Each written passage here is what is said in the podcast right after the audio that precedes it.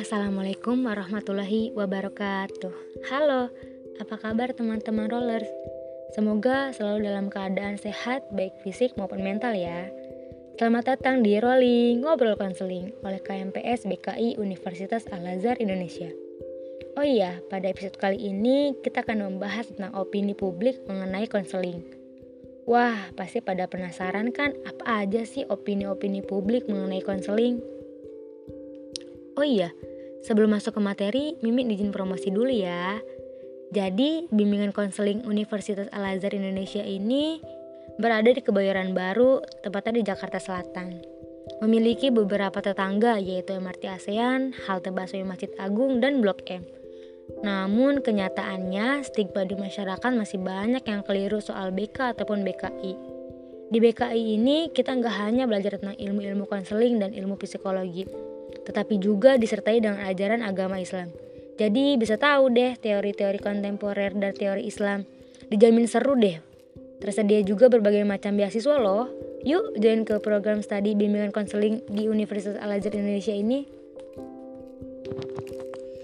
Oh ya, Rollers, sebelumnya kami teman-teman KMPS BKI Universitas Al-Azhar Indonesia ini udah bikin question box nih di Instagram tentang apa sih itu konseling Nah, kami juga udah pilih nih jawaban-jawaban terbaik dari teman-teman di Instagram.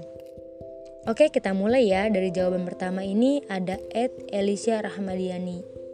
Yaitu konseling itu kayak bantuan dari konselor ke kliennya untuk menyelesaikan masalah klien. Yap, benar banget.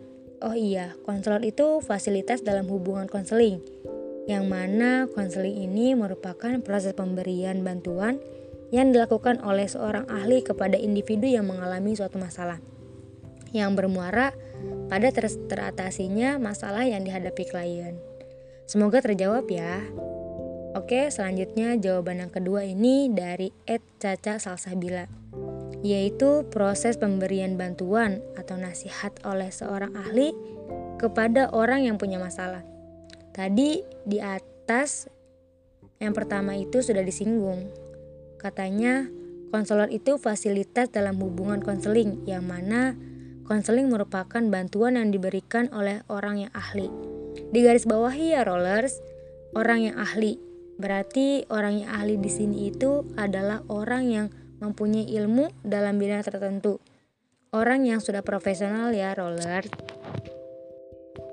Oke, next.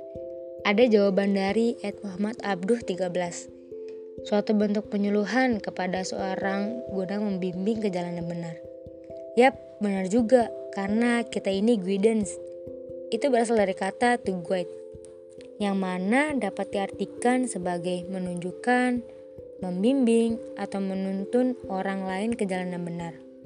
Walaupun konselor membantu klien untuk menyelesaikan masalahnya atau membimbing ke suatu keadaan yang benar, tetapi tetap ya rollers, Konselor itu hanya fasilitator.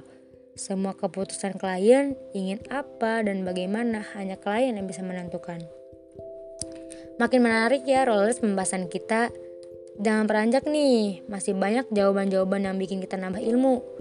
Selanjutnya ada jawaban dari Nur Lizet, yaitu layanan pemberian bantuan yang sedang mengalami masalah. Yap, betul. Ingat ya rollers, konseling itu merupakan proses pemberian bantuan kepada seseorang atau klien oleh orang yang ahli. Tadi sudah disinggungkan rollers bahwa orang yang ahli itu orang yang memiliki ilmu di bidang tertentu dan sudah profesional ya rollers. Oke, next jawaban dari Anissa Putri yaitu konselor adalah pemberian bimbingan atau arahan kepada seseorang yang membutuhkan bantuan secara psikis dalam menghadapi permasalahannya. Oke rollers, jawaban ini juga betul ya. Konselor itu membantu individu atau kelompok secara psikis atau kondisi mental seseorang. Konselor adalah bantuan utama bagi individu yang membutuhkan pertolongan ketika secara mental mereka merasa tidak sehat. Namun, tenaga ahli yang bekerja dalam bidang helping relationship bukan hanya konselor ya.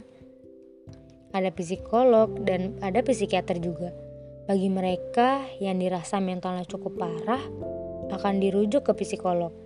Dan mereka juga yang membutuhkan obat-obatan tertentu, jelas akan dirujuk ke psikiater. Di mana psikiater ini pada dasarnya adalah dokter. Jadi psikiater berhak untuk memberikan obat-obatan tertentu. Jadi jelas ya rollers, semoga terjawab. Wah, ternyata banyak juga ya yang sudah sudah mengenal konselor. Walaupun jawabannya singkat, tapi itu adalah pengetahuan dasar loh. Ih, keren. Semoga tenaga ahli seperti konselor, psikolog, dan psikiater semakin dikenal luas ya. Khususnya untuk di Indonesia ini sendiri. Karena masih banyak juga yang tidak tahu keberadaan tenaga ahli mental. Padahal tenaga ahli mental itu sangat penting untuk kita sama seperti pentingnya dokter yang memeriksa fisik kita. Oke rollers, sampai di sini obrolan kita. Maaf ya kalau ada kesalahan atau kata-kata penyampaian karena kita masih sama-sama belajar. See you next time. Have a nice day rollers. Wassalamualaikum warahmatullahi wabarakatuh.